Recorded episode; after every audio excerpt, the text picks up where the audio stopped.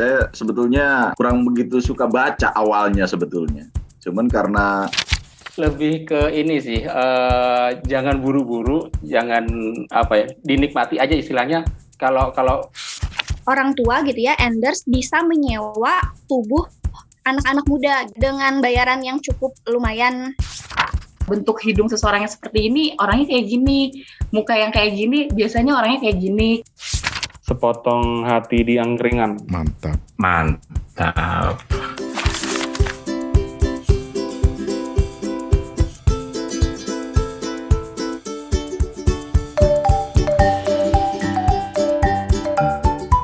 Kawan-kawan, kita ketemu lagi di podcast Kepo Buku. Tentu saja masih bersama kami bertiga. Langsung aja kita ke Singapura. Ada Hertoto Eko. Halo, apa kabar semua? Selamat malam, selamat siang, selamat pagi. Tok, banyak yang nanyain Tok itu itu rak buku di belakang lu itu hasil ngumpulin buku berapa lama toh? Soalnya di kepo buku ini yang raknya paling proper kayaknya cuma Toto deh. Kemarin itu udah spring cleaning sih sebenarnya. Oh. Udah ada yang dibuang-buang. Sombong banget buku dibuang-buang. Nggak, nggak tahu sih ngumpulin aja pokoknya beli gitu taruh beli taruh bacanya mentar kan kita termasuk apa itu sundoku sundoku beli buku tapi nggak dibaca nggak dibaca oke okay. terus kita ke Ambon Ya halo. Hari ini cakep banget dah Steven baru baru cukur. Agak mm, biar nggak jelek-jelek amat gitu kalau ngezoom. Oke. okay. Gimana Evan? Kabarnya di Ambon, Van? Sehat. Semoga semua juga sehat ya. Ada satu Van yang lo lupa Van hari ini Van. Apa tuh? Pakai lipstick. Lip gloss. Ah, Oke. Okay. Oke. Okay. Dan hari ini spesial karena kita lagi uji coba rekaman bareng Kepo Buku di studio virtual kita. Sombong banget nyebutnya video virtual padahal mah Zoom aja, tapi kan namanya biar kelihatan keren gitu. Jadi di studio virtual kita saat ini sudah ada banyak banget teman-teman Kepo Buku. Uh, kita absen satu-satu ya. Ada Nisa, selamat malam Nisa. Halo, selamat malam. Tunggu, ingat-ingat Nisa di Purwokerto, salah ya? Uh, di Jawa Timur, Om. Oh. Jawa, Jawa Timur, kok Purwokerto loh, aduh. Pasuruan ya tadi ya? Iya, iya. iya.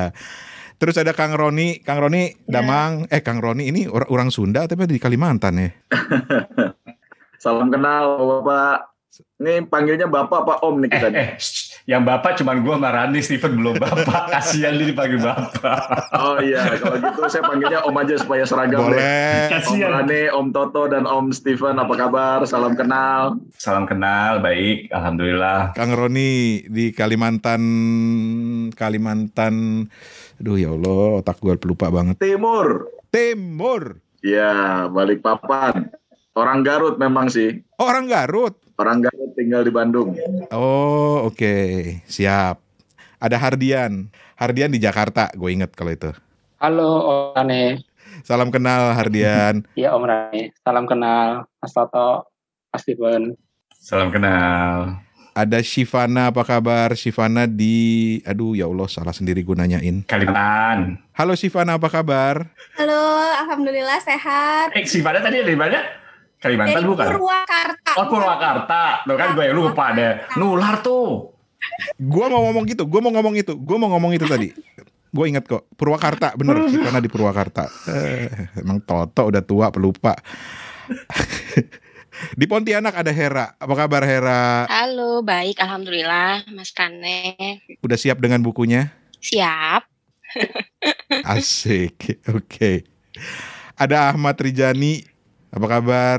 Baik. Siap. Di mana lagi? Kalimantan Selatan. Kalimantan Selatan. Lagi di rumah nih. Lagi di rumah ya? Iya. Asik. Terus ada Rabika Hilma. Mudah-mudahan nggak salah sebut ya. Bilang manggilnya apa sih? Rabica. Rabica. Rabica Ya. di mana Rabica? Di Kairo, Mesir. Wow. Nggak ada yang lebih jauh lagi? Di Mesir. Tuh lihat tuh. Tuh.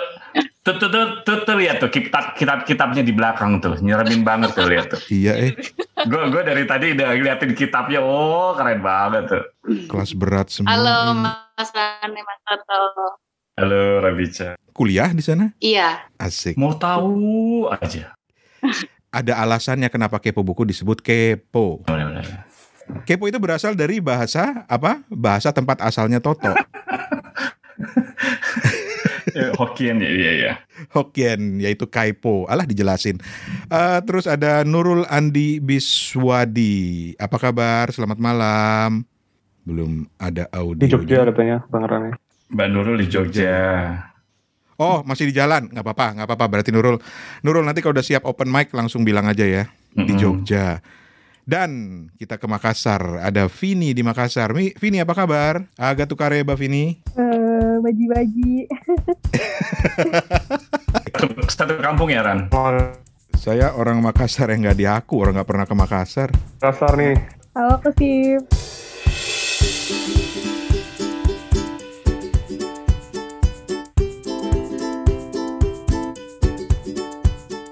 Oke, kita akan mulai aja. Jadi intinya kepo buku itu kan eh, berangkat dari rasa kepo, rasa ingin tahu kita terhadap buku yang lagi dibaca gitu. Jadi kita selalu mau tahu buku apa aja. Dan teman-teman yang sering dengar kepo buku pasti tahu selera buku kita berbeda-beda gitu. So, eh, kita langsung aja ke teman-teman duluan ya. Toto sama Steven mah belakangan juga bisa, gampang itu mah.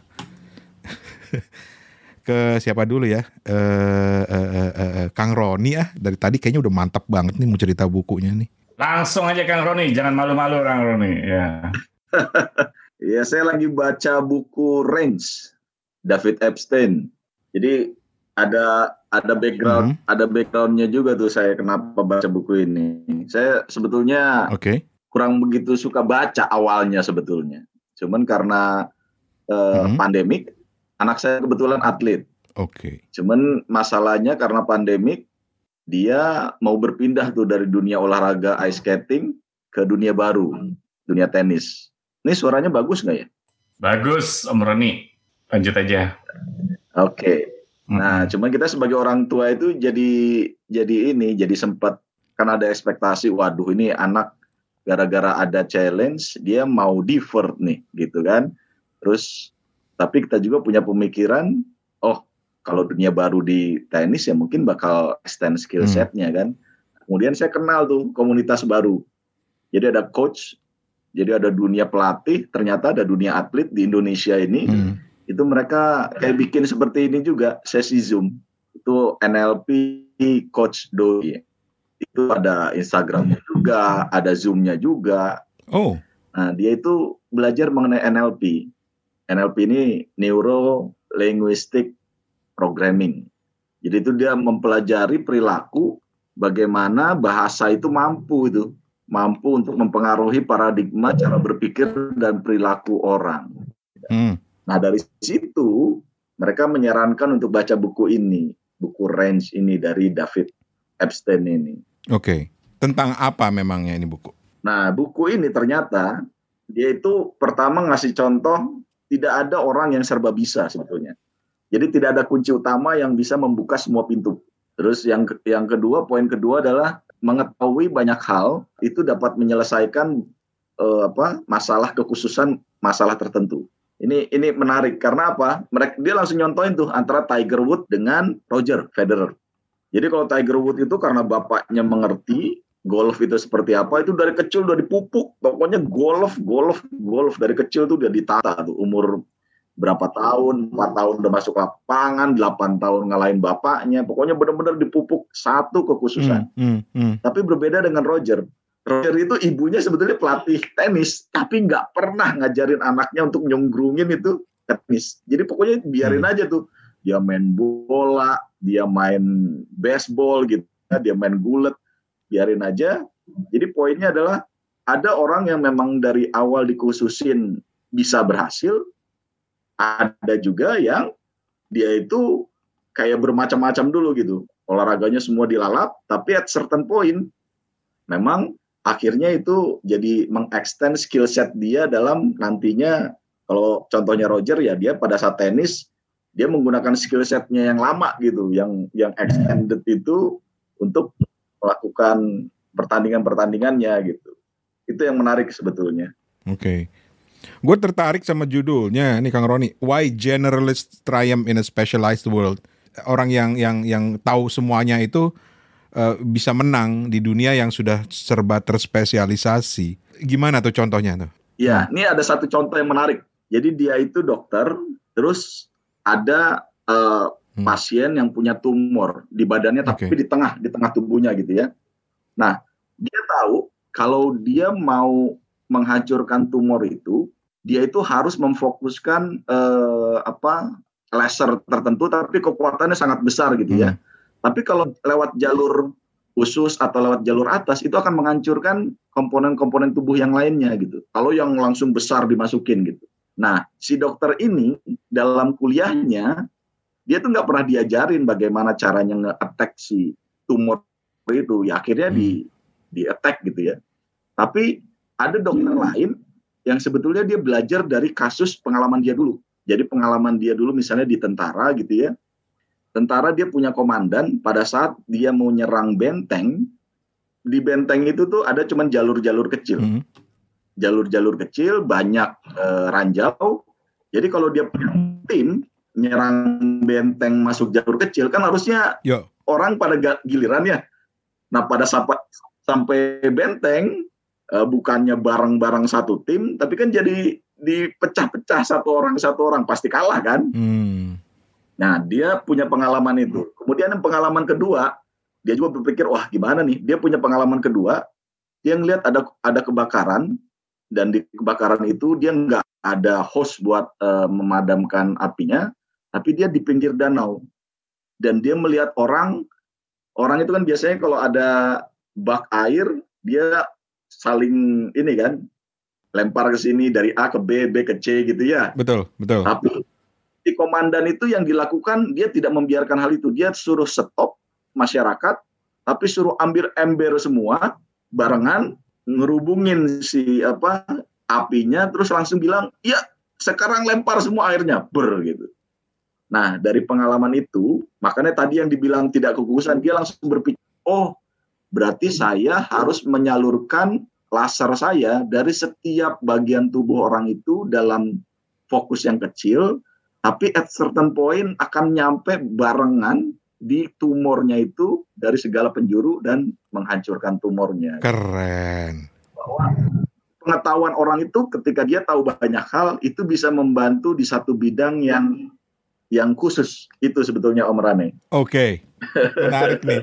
itu menarik, Menarik dan banget. bagi anak saya itu applicable banget itu. Tapi anaknya juga kemudian baca atau atau Kang Roni sendiri yang memang buat modal buat memberi motivasi ke anak. Iya, ini harus orang tua yang baca ini. Karena NLP ini memang eh, ngajarin bagaimana eh, saya sebagai orang tua ya, saya jadi mengerti bahwa ketika saya di luar lapangan, itu sebetulnya anak saya itu ngelihat saya sebetulnya. Ketika dia tidak menang, dia langsung ngelirik saya, ngelihat badan saya aja, menunjukkan kekecewaan, dia sebetulnya langsung down. Dan itu sebetulnya sangat berpengaruh. Itu saya baru ngerti ketika ikut komunitas itu. Keren. Keren, keren, keren. Ya makanya ketika ada kepo buku begini, aku bilang ini adalah ilmu bagi saya. Eh, bisa kenal Om Rane, Om Toto, Om Steven, itu bagi saya ayolah setiap komunitas itu saya pasti senang gabung.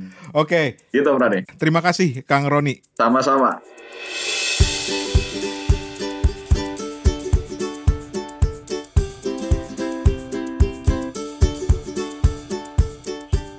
Dan sekarang kita ke mana lagi nih? Fen, lu mau ke mana dulu, Fen? Mas Hardian boleh. Mas Hardian. Mas Hardian. Halo, selamat. Oke. Buku yang barusan selesai aku baca itu eh, Sri Menanti. Hmm. Mungkin Om Rane udah baca juga kali ya. Karangan Joko Pinurbo. Ini dibilang novel tuh terlalu singkat ya. Soalnya cuma kalau di versi ebook itu 104 halaman doang. Eh, ini adalah penerjemahan mungkin ya eh, dari puisinya Sapardi pada suatu pagi hari. Jadi Joko Pinurbo memprosakan istilahnya istilahnya memprosakan puisi pada suatu pagi hari menurut perspektifnya dia gitu. Itu yang menarik ini kan ceritanya kan tentang penyair sama Sri Menanti. Yang uniknya ini di buku ini tuh ada dua tokoh tetapi dua-duanya diceritakan pakai sudut pandang pertama semua. Jadi eh, di awal-awal tuh bakal bingung nih, ini yang ngomong ceritanya penyair atau Sri Menanti nih. Ya, betul, Gitu. betul. Nah, bingung banget tuh di awal-awal. Nah, mungkin baru tengah, baru di ke tengah di ke akhir itu baru oke udah udah paham nih. Oh ini yang ngomong eh, penyair. Oh ini yang ngomong Sri Menanti dan gitu-gitu sih. Terus mungkin kalau dibaca tentang plotnya ya, plotnya nggak terlalu menarik sih istilahnya. Bukan bukan buku yang cerita yang bertitik berat kepada plot, tetapi lebih ke apa ya? Lebih banyak ke puisi-puisinya dan eh, interaksi Joko Pinurbo dengan puisinya Pak Sapardi atau eh, dia banyak menyisipkan puisinya sendiri gitu sih. Iya. Dan menurut aku sih eh, Sri Menanti ini cukup penikmatnya cukup segmented ya. Jadi menurutku ya kalau kalau ini dibaca oleh orang yang tidak familiar dengan karyanya Pak Sapardi atau Joko Pinurbo mungkin agak sulit untuk menikmati. Iya. Tetapi karena saya fansnya Pak Sapardi maupun Mas Jopin, saya sangat menikmati sekali sih ini eh, buku ini. Tos dulu ah, Mas Ardian. Ya. Eh, ini sebenarnya jenis buku yang eh, akan sangat disukai oleh Toto. Fiksi itu juaranya gue lah pokoknya. Eh, salah kebalik. Gue tuh juaranya fiksi. Yo, eh. Sayangnya nggak ada matematikanya sih di sini. Ada matematikanya. Nggak ada matematikanya. Tapi memang benar. Jadi kan Toto pernah cerita bahwa dia tuh nggak terlalu suka buku yang bahasanya itu terlalu apa istilahnya Tok? Terlalu uh, floweris. Floweris, terlalu berbunga-bunga. Dan itu salah satu ciri khas penyair kalau menurut gue sih. Mm-mm. Dan itulah keindahannya novel Sri Menanti. Karena sebagai seorang pengagum Joko Pinurbo, bikin puisi aja kalimatnya udah indah gimana kalau lagi bikin novel. Dan ternyata memang Hmm. menarik. Gitu. Cuma kalau Toto yang baca gue kebayang ini ceritanya apa sih sampai di mana Iya benar-benar. Gue suka suka bingung dengan kalau lagi baca novel atau lagi baca ini apa sih ini nggak mudeng gitu kan. Rumusnya apa rumusnya gitu biasanya. Mas Ardian tolong dikasih dikasih rumusnya dulu ke Toto Biasanya kita membaca. rumusnya diturunkan dari mana gitu novelnya baru. Gimana menikmati? Lebih ke lebih ke ini sih, eh, jangan buru-buru, jangan apa ya, dinikmati aja istilahnya. Kalau kalau Om Toto pernah baca novel apa yang udah selesai gitu? Waduh. Bu- apa ya? Banyak sih. Little Prince gue udah pernah baca tuh. Novel Samsudin. Eh, Little Prince tuh novel lagi. Oh iya deng, oh iya deng, oh iya. Apa lo? Iya iya iya iya iya. Kalau Sri Menanti ini agak agak susah ya kalau kalau di dengan novel yang lain. Kalau novel yang lain kan ngomongnya tentang kartu cerita, istilahnya oh ini ceritanya plot ini, plotnya plotnya ini, plotnya ini gitu, A B C D. Kalau Sri Menanti ini agak agak lebih di atasnya itu istilahnya gitu. Eh agak susah makanya eh, saya bilang itu agak segmented ketika orang nggak orang yang tidak terbiasa dengan karyanya Mas Jokmin atau Pak Sapardi dia akan sulit untuk menikmati eh, buku ini sih gitu. nggak apa-apa, patut dicoba juga. Oke. Ini dua-duanya ada di Gramedia Digital ya. Halo Gramedia. Masih laku. eh kemarin kemarin posting kita di Kepo Buku di like lo sama Gramedia lo. Oh iya ya, berarti kita harus ganti ganti strategi lagi. Nggak gue curiganya adminnya salah pencet aja sih sebenarnya. Oke. Mas Ardian, terima kasih banyak rekomendasi bukunya. Ya Eh, ngomong-ngomong di bulan Februari nanti ataupun di bulan depan lah ada juga Jokpin yang terbaru tuh sepotong hati di angkringan Mantap. diterbitkan sama Diva Press nanti. Mantap.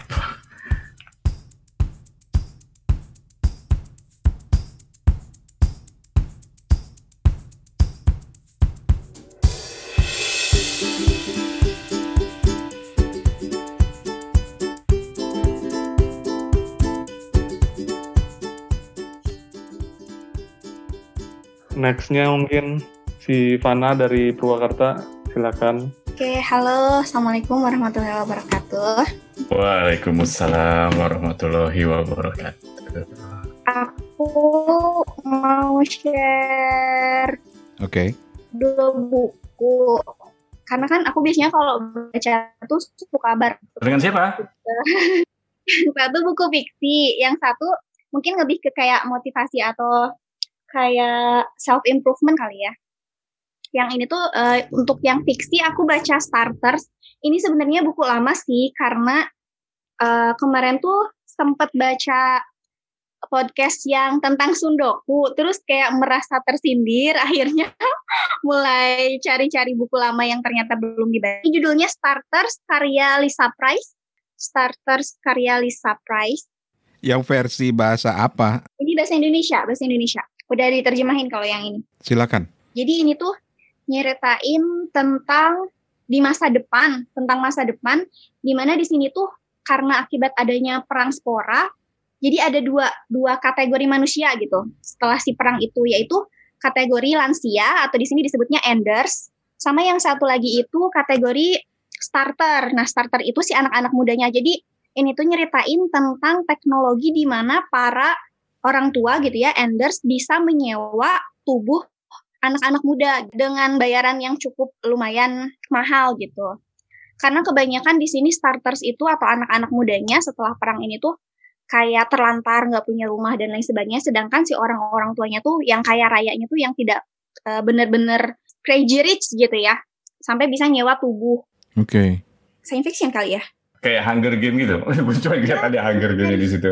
Aku aku nggak baca Hunger Games. Oh oke. Okay. Uh, cuman katanya sih kalau di sini ada kayak catatan katanya penggemar hmm. games akan jatuh cinta katanya gitu. Sip. Tapi memang rame sih seru-seru banget.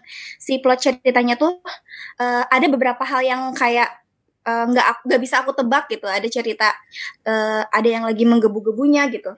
Seru sih. Ini aku bacanya cepet juga karena ceritanya tuh nggak monoton. Tadi dulu, gue mau nanya Steven dulu. Steven kan penggemar Hunger Games nih. Tapi nggak nggak segitu juga sih. Nggak segitu-gitu juga ya.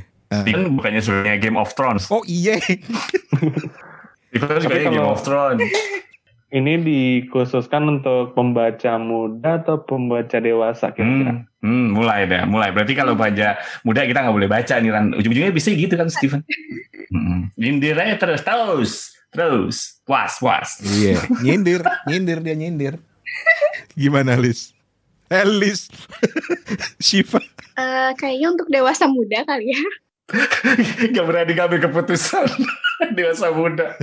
Takut. Nah, kalau kalau buat remaja nggak uh, tahu deh, kayaknya terlalu terlalu berat untuk remaja dan terlalu mm -hmm. uh, terlalu apa ya? Adis. Terlalu modern untuk yang uh, dewasa jadi dewasa muda deh kayaknya. Okay. Terlalu modern. Kita simpulkan ini untuk kita simpulkan aja ini buku untuk dewasa berjiwa muda. Yang jelas kita simpulkan aja ini buku bukan buat Steven, bukan buat Toto, bukan buat Tuhan. Tapi gue gua terus terang ya, gue suka nonton film science fiction, tapi ketika baca novel science fiction masih masih agak struggle. Tapi oke, okay, thank you rekomendasinya. Yang kedua apa tadi, Shiva? Uh, ini ini sih kalau ini baru untuk anak muda, uh, bang. Kalau ini tuh Fun, fun, fun, fun. Ini anak muda, fun. Bukunya karya Dewi Nur Aisyah.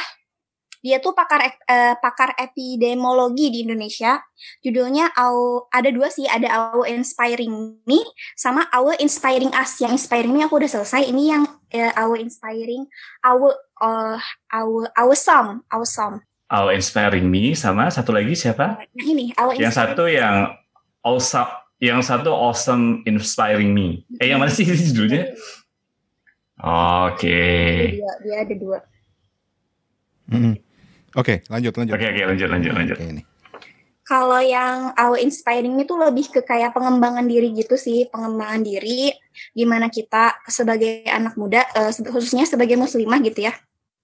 Uh, memiliki target-target gitu, target-target impian-impian uh, semacam kayak motivasi sih banyaknya motivasi terus kayak tujuan hidup dan lain sebagainya.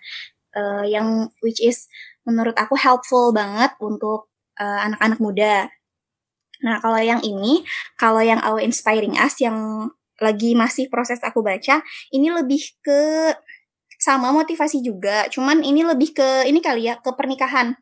Kayak banyak ngebahas persiapan pernikahan, terus apa sih yang mesti kita pelajari, terus apa yang biasanya uh, apa ya namanya permasalahan-permasalahan dalam rumah tangga, terus bagaimana sih cari pasangan uh, yang yang benar secara uh, apa namanya tentang kriteria pasangan secara Islam ya. Kalau ini dari dari sudut pandang Islami kayak gitu sih.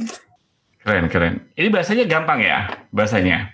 Ya ini kalau ini bener-bener ringan banget, ringan hmm. tapi padat bergizi kalau menurut aku ya. Banyak banyak ini ya, banyak motivasinya, banyak nasihatnya, banyak inilah banyak kata-kata yang membuat uh, diri kita lebih semangat atau misalnya bikin kita termotivasi sama banyak evaluasi sih gitu. Jadi bukunya ringan, ringan, padat, bergizi. Ah iya betul. Beda sama Loran. Kalau Loran, kalau Loran lo berat, padat. berat, padat, kebanyakan kolesterol. Oke, okay, kita lanjut lagi. Oke. Okay.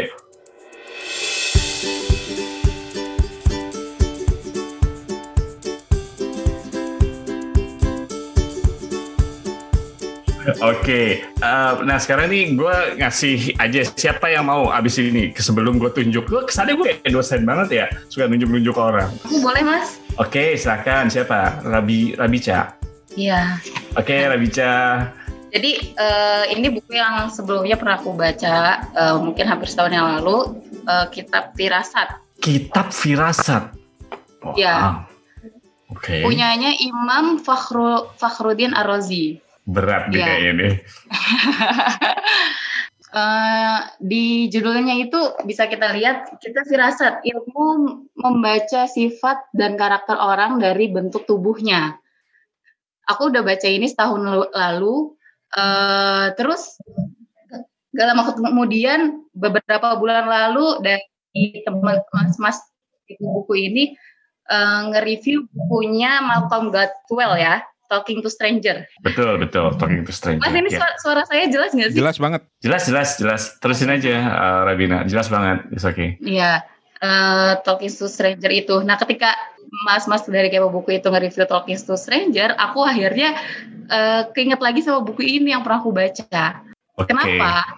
Karena uh, dalam bukunya Malcolm Gladwell itu kebanyakan uh, bahwasanya orang itu ngelihat orang dari uh, gerak tubuh, ge gaya tubuh kayak gitu-gitu.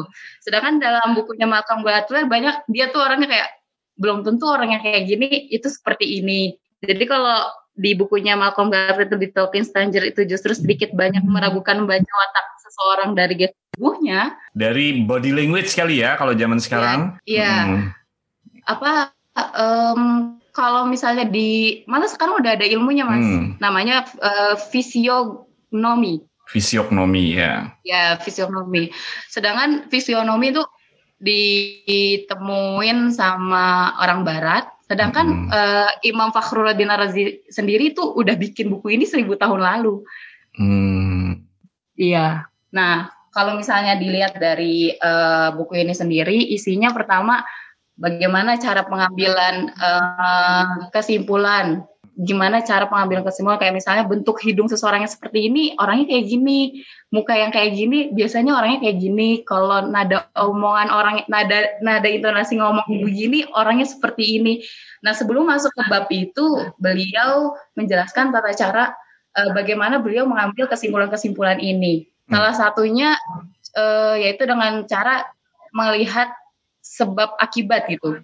Jadi dia mengambil sampel berapa banyak orang, hmm. terus dia perhatikan satu-satu, akhirnya jadilah kebanyakan orang yang uh, hidungnya mancung, orangnya seperti ini. Orangnya kebanyakan jidatnya besar, orangnya seperti ini. Gitu, Oke. Okay. keren nih, keren nih, keren nih. Jadi lu ngeliat Steven kayak gimana? Nah, itu gue baru mau ngomong. Gue baru mau ngomong. Studi kasus Steven. Aduh, Mas Steven. Biarin ya, biar apa namanya uh, praktikal ya bukunya. nah, begitu ada buku ini menebak orang apa karakter orang berdasarkan wajah, langsung pada matiin video tuh. Aku bukan peramal mas, nggak bisa juga. Tapi keren ya. Gue inget bokap gue. Bokap gue itu adalah orang yang selalu dideketin sama keluarga-keluarga kalau anaknya mau kawin. Jadi selalu bilang tolong hmm. dilihatin anak uh, calon mantu saya gitu loh. Tapi bokap gue nggak punya ilmu gituan gitu loh. Kalau ini kan dia ilmiah sebenarnya karena dia kayaknya mengambil dari sampel ya, terus melihat kecenderungan. Coba yang ahli matematika dijelaskan apa mungkin itu? gue aja baru tahu kayak gini. Tapi gue menarik ya. Bayangan gue uh, ketika kita melihat yang seperti ini gitu ya, bayangan gue ya ah, ini ilmu apaan sih gitu. Tapi ternyata memang ilmiah ya. Maksudnya ada kadar ilmiah di sana. Ada yang namanya aja fisiognomi ya gitu. Dan fisiognomi. Huh. Fisiognomi dan dan bayangan gue uh, pertama kali uh, kamu bahas ini bayangan gue ini buku apa gitu kan, bukan agama kah. Tapi ternyata pas, sorry, ya pas kayak gini ternyata orang Barat juga menemukan ilmu ini ya. Ada ya menulis tentang ilmu seperti ini juga ya. Ilmu membaca sifat Iya. dan karakter orang seperti atau dari bentuk fisiknya, terutama wajah. Wow. Iya. Iya kalau nggak salah dari Barat yang nemuin itu Gerolamo Cardano. Cardano. Kalau kalau kalau gue gitu pengalaman pribadi gue um, pertama kali ad, membaca orang dari bentuk wajah, bayangan gue itu adalah orang-orang uh, uh, Tionghoa kan banyak kan yang yang terbit bukunya juga banyak kalau kita di Singapura gitu kan kayak ahli uh, Feng Shui kayak Joy Yap kayak gitu-gitu kan memang nerbitin buku gitu. Bayangan gue itu ilmu dari sana ternyata enggak ya. Ternyata memang ada ada dari uh, khazanah dunia Islam seperti ini misalnya kemudian uh, dari orang barat juga ya maksudnya dari uh, westerner juga gitu. Iya, nah Keren. ada lagi yang salah satu buku yang aku baca nggak sih pas aku lagi keliling ke maktabah apa sih maktabah tuh Eh, tukang buku ya Tukang buku di- maktabah. Gue dengernya martabak, Bo. kan gitu kan. Iya maksudnya eh, pas aku lagi keliling ke daerah eh, tempat jualan buku, aku iseng-iseng buka-buka eh, ya lihat-lihat buku lah. Nah ya pas aku lagi keliling eh, toko buku itu, aku nemu buku. Itu buku juga eh, masih berkaitan dengan ini. Itu du- namanya Kitabul Abroj. Kitabul Abroj. Abroad itu apa? Jadi kitab. Abroj itu perbintangan, ilmu perbintangan. Nah lo. Nah, di situ eh, pastinya kita di zaman sekarang udah udah kayak nggak percaya lah ya sama kayak namanya Taurus itu A- Taurus itu begini-begini, Virgo itu seperti ini seperti ini. Oh, wait, wait, wait. Ini perbintangan maksudnya rasi. Rasi, rasi, Astrologi. rasi. Oh. Nah, Astrologi. Oh, gue kirain kayak astronomi gitu. Oh, oke. Saya Libra, Mbak. Tol- Tolong dibacain. Gue nggak percaya sama astrologi karena gue Aries. Jadi gue nggak percaya. Orang Aries itu biasanya nggak percaya astrologi. Iya pasti. Uh, sekarang pun sekarang kan banyak yang nggak percaya pun. sa- uh, aku juga masih ngeraguin soal itu. Cuman dari buku itu juga aku jadi bisa nyambungin bahwasanya itu kan juga yang nemuin buku itu Kitabul Abroj itu kalau nggak salah Abu Ma'syar Al Falaki salah satu ulama juga. Hmm. Beliau uh, nyiptain buku itu juga udah berapa war- ratus tahun yang lalu gitu. Hmm. Jadi emang setelah aku simpulin uh, beberapa uh, orang-orang zaman dahulu itu sudah melakukan apa yang kita lakukan juga seperti sekarang. Eh, ini kayaknya orangnya kayak gini dah habisnya ini begini. Oh lu ini ya pantas lu soalnya Virgo sih. Oh lu orangnya gini ya? Oh lu Sagittarius sih kayak gitu-gitu kan.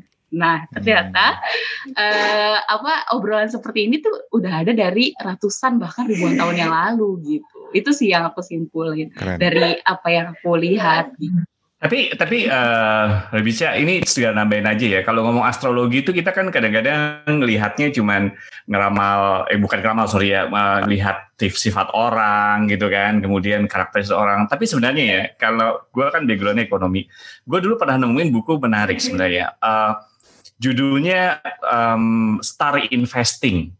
Bayangan gue apa gitu kan, gue mau belajar investing gitu kan, Star Investing. Pas gue buka, itu ternyata buku astrologi, tapi buat investasi saham. Percaya apa enggak? Coba cari, ada deh. Jadi astrologi itu nggak cuma kenal orang, tapi ternyata ada yang menerapkan itu untuk strategi investasi saham. Gila gak sih? Ini sekedar ini aja ya. Terlepas Betul, betul. percaya atau enggak gitu. Sebentar pengen nambahin juga. Jadi iya ya aku juga aku masih juga ragu untuk ilmu ini. Cuman dari buku yang aku temuin itu Kitabul Abroj itu yang dikarang oleh eh, Abu Ma'syar Al Falaki sendiri. Setelah buku itu ada buku terusannya eh, dan itu tentang ekonomi mas. Di- ditulis sama beliau juga yang di mana beliau juga ahli astrologi itu Astrologi gitu. gitu. Di situ aku kayak kok oke. jadi kayak kok jadi kayak ekonomi ya kayak gitu. Keren nih. Keren nih. Gue gak nyangka beneran. Oke. Silakan, silakan. buku yang satu lagi kalau misalnya kalau buku ini aku udah baca setahun yang lalu dengan aku bisa nyambungin beberapa yang aku temuin setelah baca buku ini banyak bakal melebar banget Em, terus kalau buku yang lagi aku baca yang lagi aku pending itu buku Woman Who Think Too Much. Ini Woman Who Think Too Much ini kenapa pertama kenapa aku beli di sini? Karena aku juga orangnya overthinking banget kan. Jadi kayaknya cocok nih bukunya gitu kan. Ditambah lagi uh, pengarangnya juga wanita gitu kan. Nah terus setelah aku baca sendiri uh, emang isi bukunya sejauh ini aku baca ya karena belum selesai. Uh, bukunya itu uh, ke, gimana cara menanggul, menanggulangi overthinking terus worries terus uh, bedanya overthinking dan worry. Karena worry itu ternyata perlu juga dalam hidup. Yang nggak boleh itu overthinking katanya di buku ini nah ya terus di sini juga diceritain uh, jadi uh, beliau sendiri Dr. Susadi sendiri beliau adalah salah satu dosen di uh, jurusan psikolog beliau banyak ngambil sampel ketika ada teori beliau uh, nyontohin satu cerita yang pernah dia dengar beliau dengar yang beliau kumpulkan dari sampel-sampel itu. Terus ada materi, terus ada ceritanya lagi. Jadi kita jadi dari materi itu kita ada gambaran uh, karena di langsung dihadirkan contohnya gitu. Jadi setelah baca buku ini jadi nggak overthinking lagi atau tambah overthinking?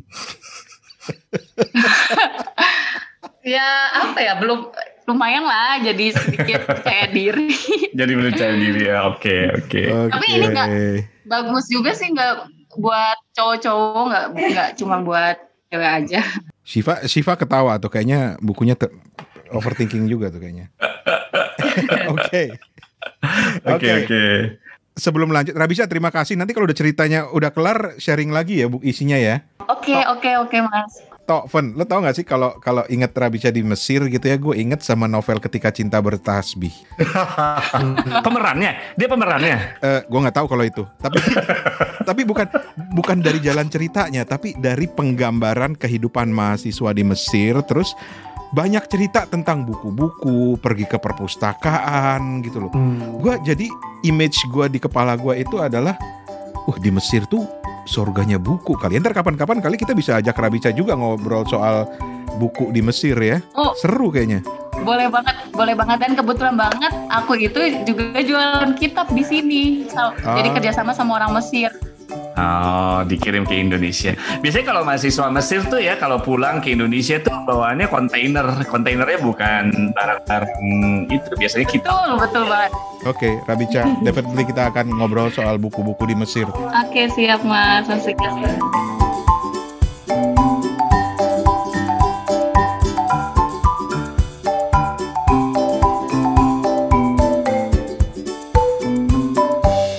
Teman-teman ini Rane, episode Kepo Bareng ini akan hadir lagi minggu depan karena sebetulnya rekamannya ini panjang hampir 2 jam.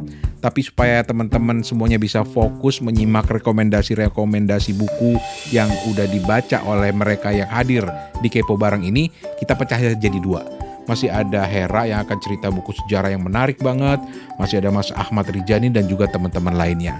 Tetapi satu poin menarik dari episode Kepo Bareng ini adalah bahwa kami ingin mengajak teman-teman semuanya untuk berani cerita tentang buku bacaannya, apa pun itu bukunya, seperti apa pun ceritanya, karena prinsip kami di Kepo Buku adalah ketika kita ngobrolin buku, kita mau coba dengan cara yang lebih santai, seperti layaknya kita ngobrol tanpa harus bikin dahi berkerut, tapi kita mendapatkan banyak hal. Terbukti dari episode Kepo Bareng kemarin banyak banget rekomendasi dan teman-teman saling tukar menukar rekomendasi buku. Jadi santai dan itu sih filosofinya Kepo Buku.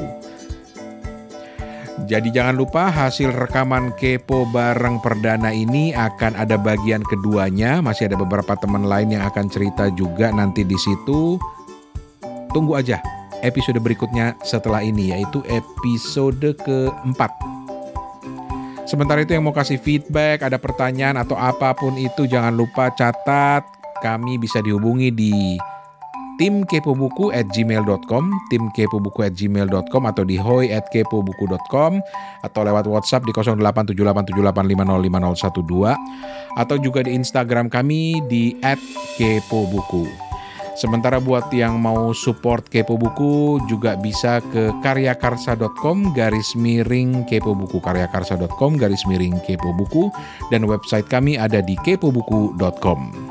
Akhirnya gue Rane Hafid atas nama Steven Sitongan di Ambon, Hertoto Eko di Singapura dan juga teman-teman lainnya yang udah ikutan rekaman di studio virtual Kepo Buku pamit. Kita ketemu di episode berikutnya. Jangan lupa episode berikutnya masih banyak keseruan-keseruan lainnya di podcast Kepo Buku. Permisi, Assalamualaikum.